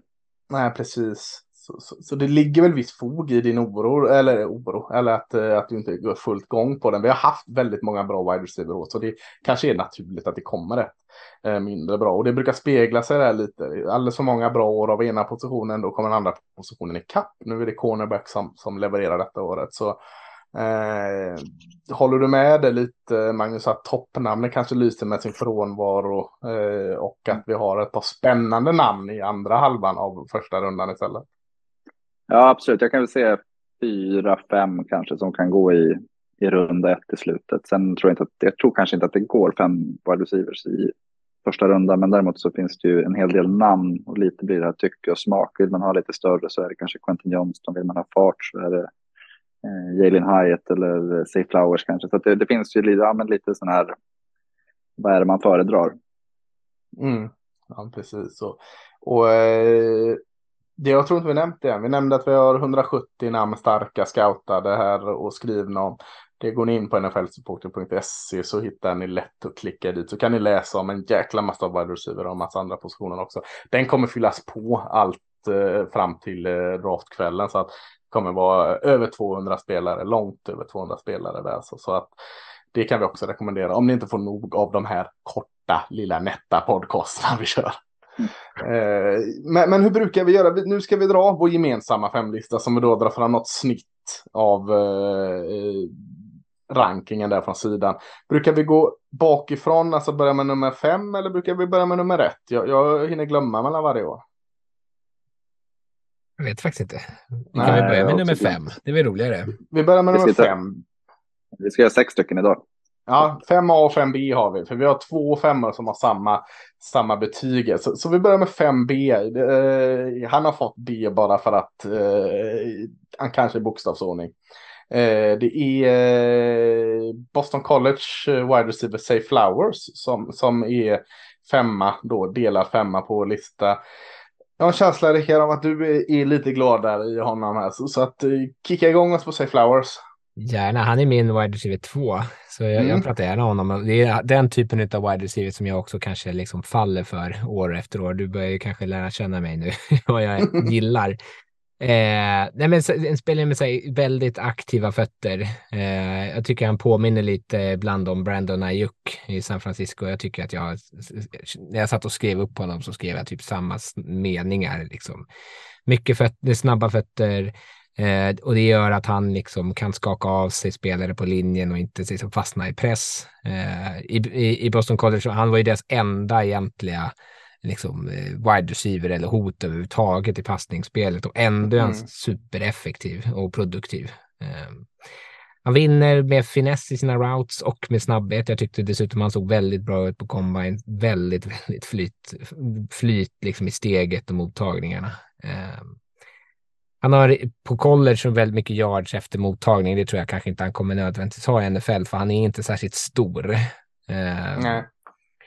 Och han är inte heller särskilt stark egentligen, så det är väl där finns det väl lite frågetecken. Eh, jag tror att man kan gör, spela honom lite som eh, Ayuk görs i San Francisco, att man har honom där han får starta i motion eh, eller liksom en bit från line of scrimmage han inte behöver fastna i press. För om han fastnar och inte halkar undan med sina fötter så då är, blir han eh, liksom utslagen och liksom tas bort ur spelet. Eh, och så tycker jag om att han har väldigt bra händer. Eh, fångar typ allt som kommer hans väg. Så jag har svårt att se honom liksom floppa. Jag tycker att han känns som ett ganska säkert kort. Eh, men han är inte en outside receiver egentligen, för han har inte riktigt den storleken, utan kanske mer den typen av slott possession Nej. receiver. Eh. Ja, vad, vad, tycker du Magnus om, om uh, Flowers? Jo, men jag gillar honom. Han, eh, han har själv sagt att han tittat mycket på hur Steve Smith har spelat. Eh, ja, då klart liksom. Ja, ja, men jag, jag, kan ändå se lite att han har mycket av det där. Eh, han har vi ju behöver mer Steve Smith i, i, NFL. Vi behöver mer Verkligen. hans. Eh, så att eh, det, det gillar jag ju. Ja, fortsätt. Ja, nej, men just att jag, jag ser att det här är en, det är en spelare som jag tror kan bli väldigt, väldigt bra om man använder på rätt sätt. Du är inne på det med att uh, han ska inte spela utsida kanske i första hand utan att utgå från slott. För då kommer han verkligen att få, få ut det bästa av sig själv. Mm. Mm. Uh, jag, jag tänkte att vi skulle ta upp eh, en spelare som vi, som vi tycker är överskattad var här och så ta upp några kanske utanför listan. Och, och här kommer ju min överskattade spelare direkt här i Safe Flowers. Det är kul att jag får gå emot här så vi inte alla är, sålda på Safe Flowers. Eh, han har ju det där Bryce Young-grejen som du är orolig för Rickard. Han har med sin lilla storlek och sin lilla nätta kropp problem att hålla sig frisk även i college. Så att, eh, oro, oroande där. Eh, jag håller såklart med i mycket du säger. Han är oerhört god speed och explosivitet eh, på de djupa bollarna. Eh, tycker han är eh, överraskande bra. Eh, ja, men jag hade velat se honom lite bättre på de kortare och mediumbollarna. Jag tycker att han känns inte ointresserad. Det, det är en överdrift, men kanske lite slarvig i sina routes. Och han har grymma händer, men så kan en, en typ säga, quick slant kan han helt bara typ glömma av och fånga. Det känns som att han är tre steg i tanken före och bara tappar den och han har haft lite problem med fumbles under sina år på de här kortare bollarna. Eh, så att eh, jag hade inte så blivit besviken om mitt Dallas, mitt Cowboys tog sig Flowers i andra rundan. Det, det hade jag tyckt varit helt okej okay i slutet på andra rundan. Men, men, mer än så har inte jag sett Flowers. Eh, jag köper mycket av det ni säger, men, men jag har också sett lite saker som, nah, ja, ja, jag vet inte. Eh, men eh, för liksom inte, det är ingen totalsågning eh, här från mig. Alltså jag köper det du säger också Rickard, där att jag kan inte riktigt se att han misslyckas i NFL heller. Så att eh, det är mest att jag har sett att folk liksom har varit inne och flörtat med sig Flowers som wide receiver nummer ett. Liksom. Det, det, det är inte jag. Eh, 5A då. Eh, kallar vi, kallar vi honom då. Det är eh, en eh, betydligt större receiver från, från Iowa State, Big 12. Det är Xavier Hutchinson. Eh, som är eh, då på min andra skala en av mina personliga favoriter. Jag har honom väldigt högt. Jag eh, gillar verkligen stor, lång, fysisk receiver som eh, ja, som, som eh, inte gjort annat än att producera egentligen i Iowa State när kanske inte offensiven överlag har varit så bra det sista året har Xavier Hutchison bara tagit kliv efter kliv. Eh, eh, jobbar med sin fysik både i blockeringsspelet och hjälper andra och framförallt efter catch är, är han väldigt fysisk i sitt spel. Han är, kan springa rätt igenom sin, sin motståndare ibland med en god stiffform. Och jag tycker han överlag efter catch för att vara en större receiver skapar mycket. Eh, fin timing i det han gör och, och om vi ska prata om den där enhandscatchen från komban från Washington som man sett ett par sådana löjligt snygga catch från Hutchinson också under, under karriären när West State. Mot han då att han, han har fått spela ett ganska enkelt system och inte jobbat de här tuffaste routsen direkt. Så att eh, eh när han har fått göra det så har han sett aningen stel ut kanske och, mm. och, och, i sina cuts liksom som oroar lite. Men, men storleken och fysiken och att det är lite brist på de här stora utsidoresiverna i år gör att Xavier Hutchison hoppar upp ändå lite på min lista. Eh, Rickard, vill, vill, vill du, du, lägga till något där eller sänka eller höja Xavier? Nej, det är väl det som jag kanske framförallt och det ju, har han ju gemensamt med andra av de här stora receiversna i årets klass. Eh, för jag, jag, tycker att jag, han påminner en del om Cedric Tillman i, eh, mm. i Tennessee. En annan som jag gillar. Ja, och där är väl skillnaden kanske att Tillman har haft skadebekymmer och att man därför kanske känner sig tryggare med Hutchinson. Men att de är så här, är stora och kanske begränsade till att bara vara ett stort vapen eh, mm. som man kan liksom lägga bollar till med. Det, det känns när jag tittar på den typen av spelare så känns det som att det är lite av en utdöende art i NFL, att man mer och mer vill ha den typen av spelare som liksom vinner genom att skapa separation så att man liksom minimerar risken att lägga bollen i så här tight coverage. Eh, och, och, både Tillman och Hutchinson är väl spelare då som kanske inte skapar jättemycket utrymme innan bollen kommer dit, men är väldigt duktiga på att slita den i luften när den väl är där. Mm. Eh, och där kanske jag kan känna mig lite reserverad för att ge honom liksom alldeles högt betyg. Nu har inte jag sett tillräckligt mycket för att jag ska kunna sätta en, en riktig siffra på honom. Men det är, det är kanske det som jag är orolig för. Och lite som du säger, lite klumpig tycker jag då i sina routes. Mm. Och det är väl det som gör att han inte skapar så mycket luft. Nej, just det. Eh, Magnus, var står du på eh, Hutchinson-skalan? Eh, nej, men lite mittemellan er båda. Jag, jag, jag, jag tycker han saknar den här förmågan att växla tempo. Och det, ja, när han möter spelare som hänger med honom så händer det liksom inte så mycket. Det Mm. känns som att han liksom springer och trampar vatten. Eh, Jag ser ju en framtida possession receiver som, eh, kommer du ihåg de använde Allen Lazard? Det är liksom där jag ser att man ska Ja. användas mer ja, som det. det är ju också Iowa State. eh, Han tog Ja, ja, men exakt. Lazard va? Mm. Ja, fast jag tycker att de har spelat honom mer djupt och där tycker jag inte Mm. att han har så mycket styrkor.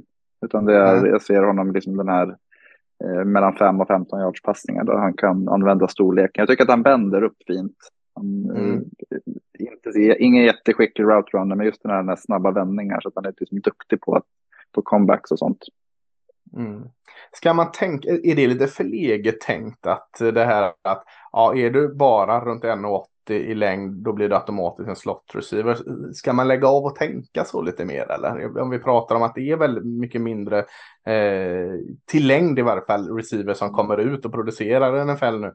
Eh, är, det lite eh, förleget att och, och automatiskt bunka in dem som någon slot receiver då eller vad, vad, vad säger du där Rickard? Alltså, jag tycker att man mer och mer de senaste åren har börjat se lag spela större slot receivers mer för att man kanske hittar en mismatch där. Ja. Alltså ju mer man frångår liksom normen utan att det blir så helt absurt så kan man ju hitta liksom eh, om lag har linebackers som eh, är liksom signade för att man ska kunna stoppa den här lilla kvicka jäveln så eh, blir det plötsligt väldigt effektivt om man sätter in en, en stor slot receiver. Då tvingar man ner liksom en- safety ner och då kanske öppnar upp luckor hans. Jag, jag, jag kan tänka mig att fler och fler lag kan se de här spelarna. Sen skulle jag just Hutchinson kanske inte jag skulle sätta i slott direkt. Nej, Eh, nej. Men det beror lite på vad man har för liksom utav roller, men att man kanske inte nödvändigtvis har eh, jag tror inte man ska så här, låsa sig för mycket att man ska ha de här lillpluttarna eh, nödvändigtvis centralt. Det är snarare att jag tror att större spelare har lättare att spela centralt än vad små spelare har att spela på utsidan. Om man ska säga så. Mm. Man, Men det hänger väl samman lite med eh, liksom, utvecklingen av tight end-rollen. Om man tittar att Mm. många tight ends nu är ju mer passmottagande. Alltså, även Engram, Kittel, eh, Travis Kelce, Mark Andrews. Alltså, det är ju stora receivers egentligen, ja. många av dem. Mm. Ja, eh, fyra på listan. Är, du pratade Rickard om att eh, Cedric Tillman och Hutchinson påminner varandra när Cedric och att Tillman var lite skadad. När Tillman är skadad så klev en annan receiver upp i, i Tennessee. Eh, offensiv glada spread-spel. Eh, Jalen Hyatt från Tennessee är, fyra på vår lista här. Eh, Magnus, vad, vad, vad är det att vänta av Hyatt? Eh, skrivit det, fart, fart, fart. Eh, han sprang Mm. inte så snabbt på combine, combinen som man trodde kanske, men han har ju lite mer än, han är ju jäkligt kvick. Trestegsraket, är det inte lite så här Ja. explosiv? Sen kommer axet och sen kommer någon form av Ja. toppfart där ändå. Och han kan växla tempo. Och det är precis, alltså Ja. han, han, han ser till att eh, det, det är väldigt, väldigt svårt att veta hur man ska spela mot honom. Att han kan ju liksom ha den här explosiviteten och ta det första steget. Han kan växla tempo sen. Eh, och det är verkligen här moderna, liksom moderna playmaking. Att se till att han får bollen i händerna snabbt. Och sen så Mm. löser han saker på egen hand. Eh, Mm. och liksom, det är inte någon super route runner, men han kan han har liksom timing, explosivitet, fina riktningsförändringar. Eh, han, han, han växer ju verkligen fram i år. Eh, och vi säga att var den, förutom då Hooker, han skadade sig, men Hyatt var ju verkligen den här som skapade explosiviteten i Tennessees anfall och var en väldigt stor orsak till att det gick så bra för dem. Mm. Eh, Och jag tror att han kommer hitta en sån roll i NFL också. Det, det måste vara en mardröm att möta den här typen av spelare. Han kommer ju, alltså ett perfekt system för Jalen Ja. Kommer han från. Alltså, det här snabba tempot i, i Tennessee spread offensiv. Det där Hendon Hooker verkligen hittade rätt till. Mm. Och då hittade han ju Jalen Hyatt där. så- Som, alltså det var ju som gjort för honom. eh, Alltså, som du säger där Magnus. Han är ingen vidare på route. Men behövde han inte vara där heller. Liksom, snabbt uthot på, på den här långa bollen. Hendon Hooker bombade ut. Snabbt, snabbt, snabbt, snabbt. snabbt. Eh, ha bra acceleration och explosivitet. Jag tror han kan fort, jag skulle gärna säga att han fortsätter utveckla de här tempoväxlingarna för att han har dem i sig, men det känns lite som att han inte riktigt vet om det själv ibland. För att får han till dem så tror jag han kan få till routes bättre också. Eh, men oerhört läcker i det systemet. Eh, och du nämner också tajmingen där. Jag tycker han hade jättefin tajming. Liksom. Ibland när man ser de här, i varje fall på college, när man ser de här eh, snabba på, på de djupa bollarna så, så är de just bara det. Men de glömmer ju faktiskt ibland av att bollen ska tajmas in också. Där tycker jag Jalen Hyatt gjorde det väldigt bra, fin connection med hooker där. Eh, jag vet inte vad du säger Rickard, Rickard om, om, om Hyatt. Ni, ni säger allt som det är. Han är ett djupt hot. Jag tycker att han eh, hittar bollen jävligt bra över axeln eh, och att han kan ta emot den utan att tappa fart överhuvudtaget. Och det är väl lite det som du kanske är inne på där med tempoväxlingar, att han att han liksom kan, han vet vad han ska sakta ner när han följer bollen eh, och så att han inte måste så stanna upp så som han ibland kan se college-spelare som blir alldeles för ivriga och tittar tillbaka. Mm. Utan han, han känns ganska cool på det sättet. Men han är ju, han, än så länge är han ju bara en speedster. Han behöver mm. Eh, slipa på allt annat då för att han ska kunna vara. Men det, alltså, det finns ju alltid plats för speedsters i NFL. Ja. You can't teach speed, eller vad är det? Precis. Precis. Or, or size. Ja, nej precis. Eh, och size, bra övergång där. Eh, trea på listan är eh, Quentin Johnson, eller Johnston, förlåt, från TCU. Eh, som kanske är årets tydliga X-receiver, om man ska kalla det, utsidreceiver på eh, eh, i, i, från årets draftklass här. Eh, var ska vi stå? Han hade en ganska fin combine, eller var, var lite snabbare på combine jag trodde, har jag för mig, Rickard, va? Ja, eh, jag tyckte absolut att han hade en fin combine eh, och testade väl i, all, i explosivitetsövningarna, hoppade bra, hade ett par riktigt snygga mottagningar som gjorde att man kanske kände att, att han, de inte fick ut fullt av honom i college eh, ändå. Kanske inte hade en QB som kunde mata honom tillräckligt mycket. Mm. men eh, jag, det, det liksom stärkte ju mina varningsklockor om att jag ser Kevin White i honom. Eh, gamla vad var det, Virginia Tech va, som han, Kevin White draftades. Ja, West Virginia. Och... West Virginia, det var någonting ja. med Virginia i alla fall. Ja. ja, men som draftades av Bears var det va, alldeles för ja. tidigt, bara för att han testade svinbra för combine. Och det är lite samma känsla jag får när jag kollar på Quentin Johnston, att han är duktig i, i liksom eh, framåt. Men eh, och, och liksom testa kanske bättre. Men jag, jag, tycker att han är imponerande bra efter mottagning i att liksom vara lite hal och väldigt svårtacklad. Eh, och som du säger, han är ett utsidehot. Eh, han vinner framförallt med sin storlek och ändå med sin fart, för han är snabb även på plan. Eh, sen är jag orolig för hans händer. Jag tycker inte att han har särskilt bra eh, händer. Det är en del bollar som studsar i bröstet på honom. Eh, och han springer ju inte heller särskilt avancerade routes. Eh, jag, tror, jag tror att hans roll är att liksom vara ett stort hot på utsidan, men att han behöver, han kan inte vara liksom nyckelreceiven i ett anfall. Nej. Eh, Magnus, du eh, gillar Quentin Johnston? Så jävla alltså, jag... Ravens eh, receivers så skriker om det. Brashard Petterman. Nej, men han är den här height weight speed och det gör ju att det finns ett, alltså per automatik kommer ett värde om du kan liksom eh, positionen överlag. Sen är det ju, jag läste något stat om att det var de senaste tio åren så är det sex cornerbacks från eh, Big 12 som har gått, jag vet inte om det var topp 50 i draft. Ja, det är lite skrämmande det. Alltså, så det, och det man märker att det är jäkligt många Big 12 receivers som har liksom varit bust. Och, mm. eh, han har ju alla ingredienser för att vara en bast också. Han är ju ojämn och som du säger, han har ju mycket drops och det räcker ju med att du liksom har eh, tveksamhet kring händerna så får du inte så mycket chanser och då kommer han mm. inte heller kunna utnyttja sin storlek, styrka och snabbhet. Så att det, han har, han, ja. Eh, jag gillar honom samtidigt som jag, det, jag tycker att varningsklockorna ligger ju där. Att, eh, jag vet inte, skulle Ravens plocka honom som nummer 22 så skulle jag ju känna en viss oro också tror jag. Ja, men jag tänkte alltså, det finns väl en viss risk att han faller, alltså han kommer absolut inte falla ut första rundan, det vågar jag svära på, men att han faller några platser och inte blir eh, receiver 1 eller 2 just för att det är den här, det är oerhört svårt att säga vad man får i Quentin Johnston. Han är så långt ifrån ett säkert kort. Han mm. kan bli svinbra i NFL. Det är mycket som talar för att han kan bli det. Men mm. det är ju som ni säger också väldigt lätt att se att han blir nästa Kevin White. Liksom, för att eh, här, han, han har eh, varit superproduktiv eller produktiv i, i eh, vissa matcher i, i college. Helt jäkla grym. Och så sen har han helt försvunnit och andra matcher, alltså i semifinalen mot Michigan eh, var han hur jäkla bra som helst. I finalen mot Georgia så var väl ingen TCU-spelare bra, men då såg man han inte. Har en del att göra med, som du säger Rickard, att han inte har haft en QB som kanske har levererat till honom tillräckligt mycket. Eh, men han, det är djupa dalar och höga toppar på Quentin Johnston. Mm. Eh, eh, men det går att se den här stora eh, utsidereceiven som, som har farten med storleken. Det är ju kittlande att vara inne och, och nudda vid det. Eh, så att eh, jag håller med. Det är lite läskigt att eh, välja på Quinton Jansson tänker jag. Mm. Eh, tvåa på listan är, är en eh, herre vid namn Jackson Smith Jigba från Ohio State.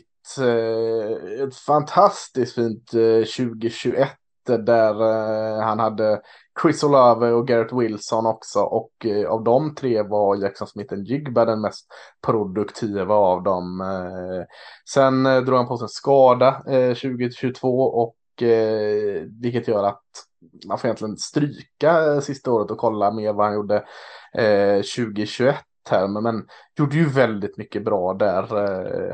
Jag vet att några har sagt här att ja, han gjorde ju bra för att Olav Wilson var där och drog åt sig mm. markering. Hur, hur, ska han liksom kunna stå på egna ben här eh, i NFL? Kommer han upp och, och kanske också hamnar med någon annan som är bra. Så att jag är inte lika orolig. Däremot kanske kostymen inte är tillräckligt stor för honom att vara wide receiver nummer ett. Men eh, en väldigt, väldigt bra andra receiver eh, är inte heller alls dumt. Jag gillar Jackson Smith Jigva jättemycket. Det är min nummer ett receiver. Eh, kanske lite på default för att jag inte riktigt, jag, jag hittar svagheter i alla andra också.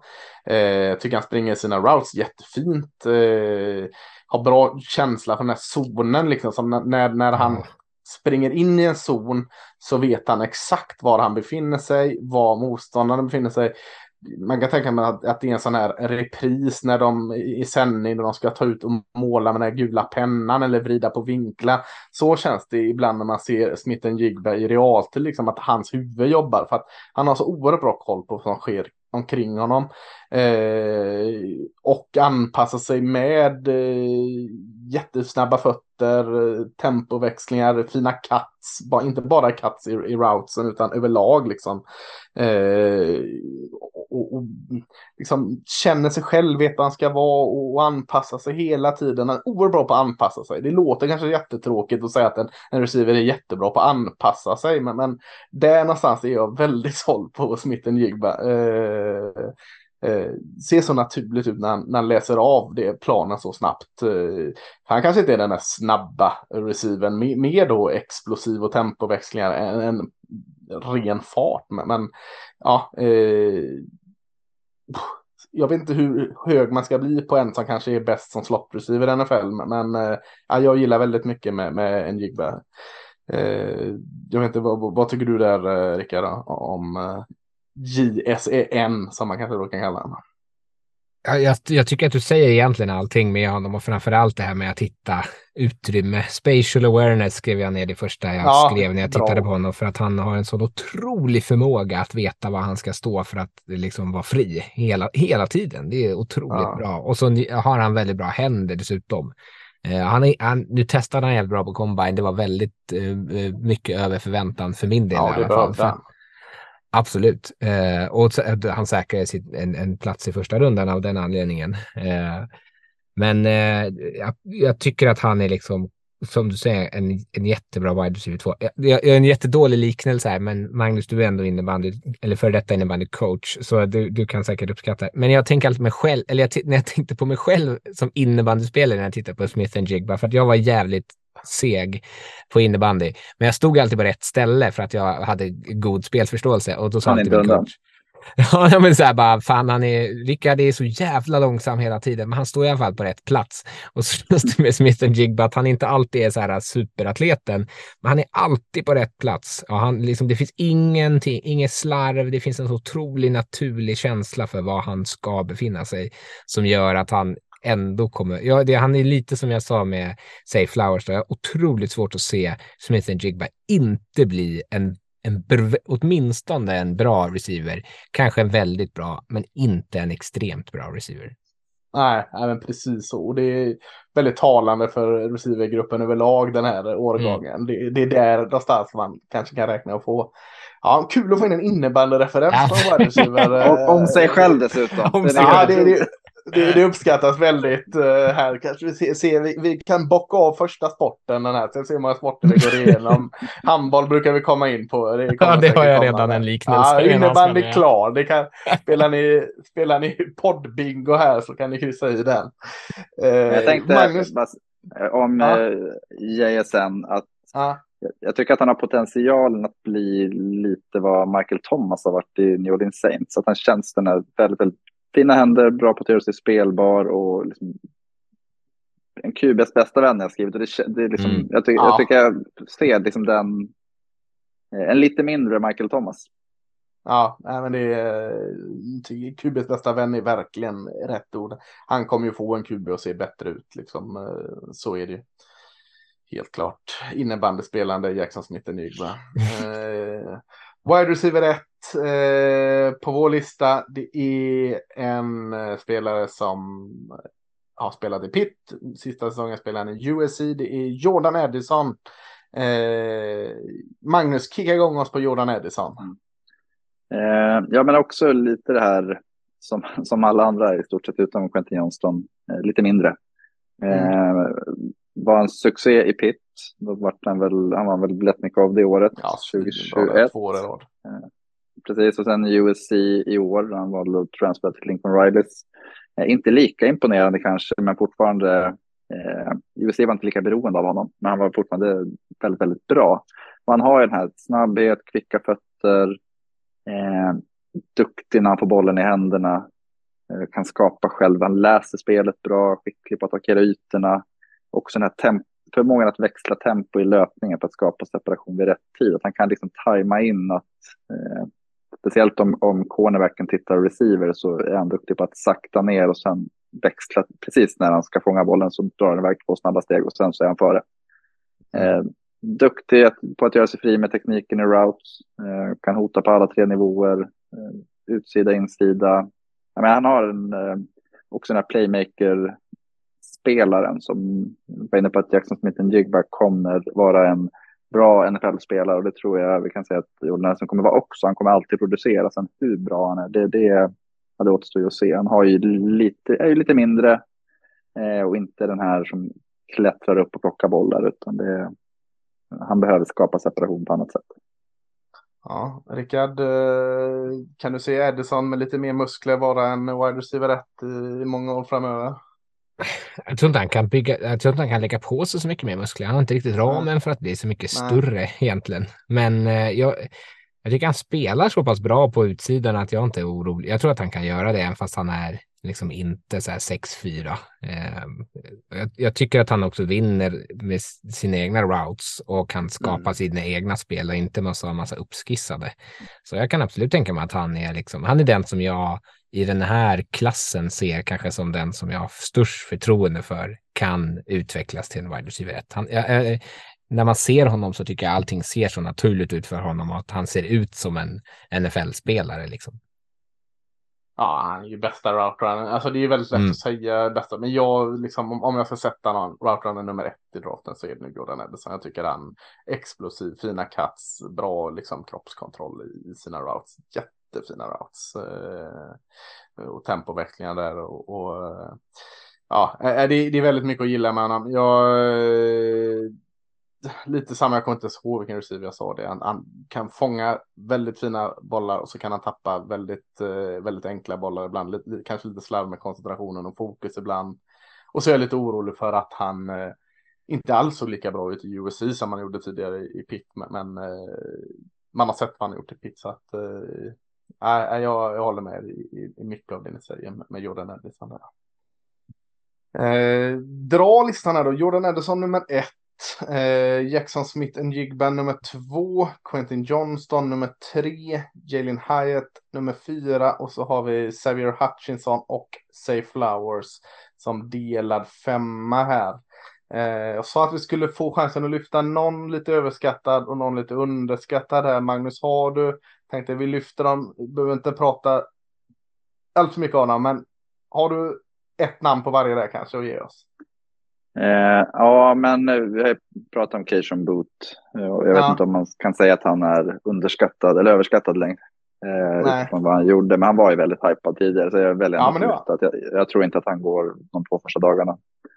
Eh, en spelare jag gillar väldigt mycket och det går jag lite emot det jag sa om eh, Quentin Johnston så är det ju eh, eh, Rashid Wright. Rice. Rashid Rice Ah, från, SMU, eh, ja. från SMU. Lite större receiver, har levt mycket på sin atletiska förmåga. Kan se väldigt dominant ut ibland. Jag tror att det är en, en, om man liksom inte vill plocka Johnston i första rundan så kan man plocka Rice i ja, efter val 50, mellan 50 och 100 någonstans. Och få en, en spelare som ja, jag ser har en ganska hög potential. Mm. Ställer samma fråga till dig, Erik. här. Eh, Alltså en spel som jag är väldigt förtjust i eh, skulle jag säga är Marvin Mims. Eh, och det är, jag gillar spelare som spelar med liksom 100 procent eh, och det gör han. Han är, trots att han är väldigt pluttig så är han inne och blockerar spelare som är betydligt större än honom. Jag, tror, jag kommer inte ihåg om det är Fan, det är någon match, om det är mot Texas Tech eller något, där han blockerar en linebacker. Och en, en, en, ett spel lyckas han blockera en linebacker, andra spelet blir han totalt överkörd av en, eh, safe, en strong safety som liksom krossar honom. Men det skiter han i, han bara studsar upp och så gör han det i alla fall. Eh, så, och jag älskar den typen av spelare som har den mentaliteten i att jag ska köra. Eh, Mm och sen som, som eh, receiver så eh, tycker jag att han har säkra händer. Han kan fånga bollar även fast det är liksom spelare runt omkring honom. Han har en jättefin enhandsmottagning eller eh, bakom ryggen. Eller han fångar bollen bakom ryggen mot sin motståndare mot just Texas Tech. Ehm, och sen så är, tycker jag att han är liksom kvick för att komma ur press. Eh, han kanske aldrig kommer bli en wide receiver 1 eller 2 ens, men en wide receiver 3 direkt då absolut kunna spela på special teams. Eh, men den typen Mm. av spelare kanske som man vill ha i omklädningsrummet och som man kan ta runda 3, kanske runda 4 däromkring. Mm. Ja, men spännande. Vad- Om vi, eh, om vi vänder på det att jag vill ha en eh, lite överskattad. Ska inte du berätta om någon som du vill ha som du tycker om? Eh, nej, men Magnus vill säga över och underskattad där nu först. Du får säga, Jaha. har du redan sagt en överskattad? Nej, okej, då tar jag en överskattad. Då ska jag såga en Ja. stackare då. Då, då Ja. måste jag ju såga eh, Josh Downs som annars hade varit typ topp ja, tre på som- våran lista om inte jag hade. Ja. Eh, kapat honom i ja, knäskålarna. Eh, och raka motsatsen då till Mim så tycker jag att han har så otroligt trist kroppsspråk. Eh, jag kände direkt när jag kollade på honom att så här, för fan, jag skulle aldrig vilja ha den här spelaren i mitt lag. Så jag skulle nästan kunna sätta en nolla på honom i betyg, men jag förstår att det kan jag inte göra. Eh, men jag tycker han ser lite slö ut i sina routes. Eh, så fort bollen inte liksom går hans väg så, så stänger han av spelet och börjar jogga. Han går inte in och blockerar ordentligt, släpper massa blockers för att eh, liksom, som sen kommer och avslutar spelet och tacklar hans running back. Eh, sen visst, han har liksom bra, visade bättre händer 22 än vad han hade 21. Eh, och han är duktig på att manipulera och anpassa det här med tempoväxlingar i sina routes. Men jag tycker framför allt bara att han ser, han ser slö och ointresserad ut. Ja, ja, men spännande att du går emot oss lite med Downs. Mm. Ja, jag gillar honom. Ja, jag, jag har ju haft min, min eh, eh, överskattade var ju Safe Flowers i, i eh, Boston College som vi pratat om. Så då tar jag en liten underskattad. Det är A.T. Perry i, i Wake Forest. Eh, inte så jättemycket snack om honom. Jag, jag eh, kommer från ett ganska speciellt system i, i Wake Forest. Eh, men en, en, en lite längre eh, eh, wide receiver eh, som ändå jobbar med ganska bra eh, cuts och tempovecklar sina routes. Eh, tunn men lång, så att tunn, eh, skulle gärna sett han lite större, men eh, ja, atletisk liksom för att vara lång. Jag gillar den. jobbar med fin timing, spänst och, och i allt han gör och eh, en, en eh, fin utsidereceiver liksom. Eh, Saknar kanske lite explosivitet annars, men, men eh, routsen jättefin, både slott och slants och post och cross och allt vad vi kallar dem. Han, han behärskar alla de här fint. Så, så att eh, min lite underskattade är A.T. Perry där. Från, från Wake Forest. Jäklar, då har vi fått ett par namn eh, och, och det blev långt det här avsnittet. Jättelångt. Eh, Men eh, första avsnittet i Draftpodden får lov att vara det säger vi. Så att eh, nästa kommer bli lite kortare och eh, ni har inte fått eh, en podd på några veckor ännu så att eh, ni får helt enkelt köpa att det blir lite långt. Vi borde prata om oss. Har Eh. de suttit och tittat på Combine nu här live i så här 28 timmar så kan man ju lyssna på våran podd här igen till Ja, 40 jag, jag tänk, tänker också det. Så att, eh, ska inte liksom Nästa runda vecka, av. är det ju, nästa vecka startar ju Free Agencyn plus att vi ska prata var corners. Ja, ja, ja. Så det är bara Så vi- förbereder. Måste vi, måste vi ta in. Mattias här för att bromsa oss? Alltså. Måste vi prata Free Agency tänkte du? Ja. Eh, så- med det sagt så ska vi inte liksom eh, gå på ett outro på fem minuter utan vi, vi, eh, vi säger eh, gött att vara tillbaka, gött att få prata draft och tack för att ni lyssnar så hörs vi igen om en vecka. Ha det bra. Hej då.